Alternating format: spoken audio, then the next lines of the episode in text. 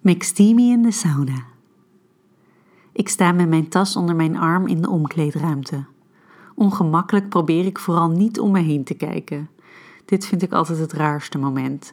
Wanneer je volledig met winterjas en alles van buiten komt en je dan in deze ruimte tussen allemaal vreemde mensen opeens besluit al je kleren uit te trekken en de rest van de dag in je naki rond te lopen. Ik weet inmiddels dat het over een half uur helemaal normaal zal voelen, maar op dit moment voelt het alles behalve normaal. Er komt nog bij dat ik hier dit keer niet zomaar ben. Ik heb met iemand afgesproken. Of nou ja, ik heb gezegd dat ik hier vandaag ben en dat hij ook kan komen als hij zin heeft. En hij zei dat hij heel erg veel zin in me had, dus dat heb ik een soort van geïnterpreteerd als dat hij zal komen. Maar echt zeker weten doe ik het niet. Het vervelende is ook dat ik mijn telefoon nu in mijn kluisje moet leggen en ik dus totaal afgesloten ben van de rest van de wereld en dus ook van hem.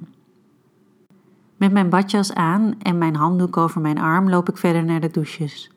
Onder de warme straal probeer ik de spanning en zorgen van me af te laten glijden. Ik zie wel, denk ik. Het maakt me ook niet eens zoveel uit of hij nou wel of niet komt, probeer ik mezelf wijs te maken. Ik weet ook echt niet zo goed of ik nu graag wil dat hij komt of niet. Aan de ene kant wil ik natuurlijk heel graag dat hij voor mij hier naartoe komt, maar aan de andere kant heb ik geen idee wat we dan gaan doen. Er is hier nou niet echt een privéhokje dat je in kan duiken. Nu is het wel een random donderdagochtend en het valt me op hoe rustig het is, maar dan nog. Ruim een uur later lig ik te dobberen in een van de vele zwembaden. Ik leun relaxed op de rand zodat ik kan genieten van het mooie uitzicht naar buiten. Helemaal rozig en ontspannen van de kruidensauna waar ik daarvoor ben geweest, geef ik me over aan het idee dat ik hier vandaag alleen zal doorbrengen.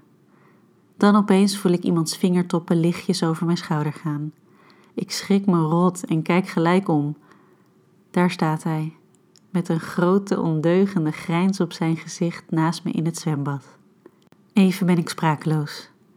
Mijn hele lichaam lijkt wel onder de elektriciteit te staan en al mijn zintuigen staan op scherp.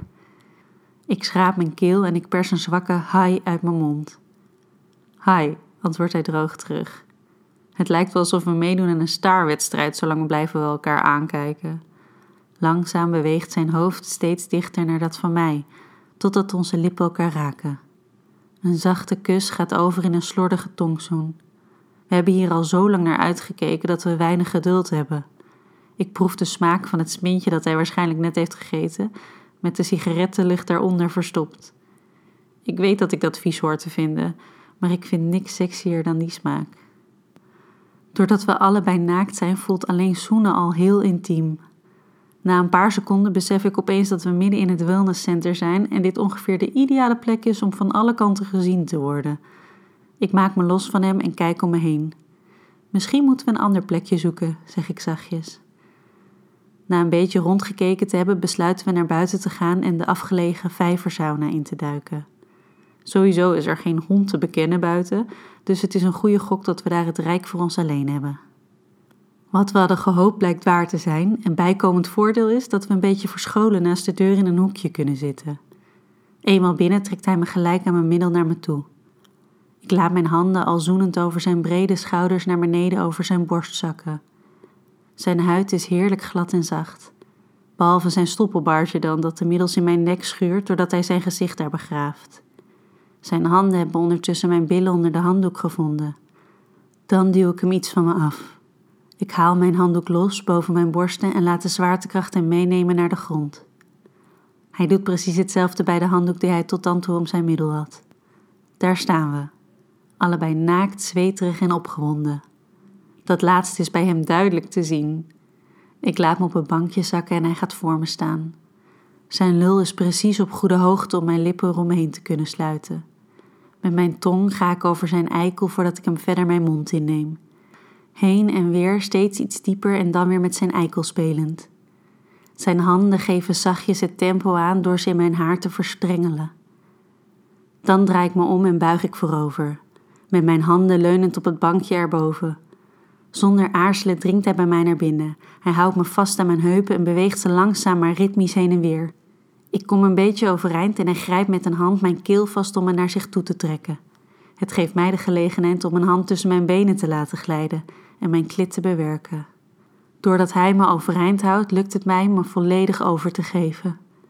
Ik probeer zo zachtjes mogelijk te doen, maar als ik kom, kan ik een kreun niet onderdrukken.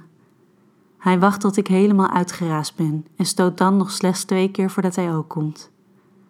Letterlijk twee minuten later, als ik in zijn armen aan het bijkomen ben, komt er een ouder koppel binnengelopen. Ze groeten ons beleefd met een knikje en ik besef me nu pas wat voor een risico we wel niet genomen hebben. Hoewel ze niks aan ons zouden moeten kunnen zien, voelen we ons toch betrapt en besluiten ons dan ook snel af te spoelen in de ervoor gelegen vijver. Wat sowieso een goed idee is na deze zweterige sekspartij.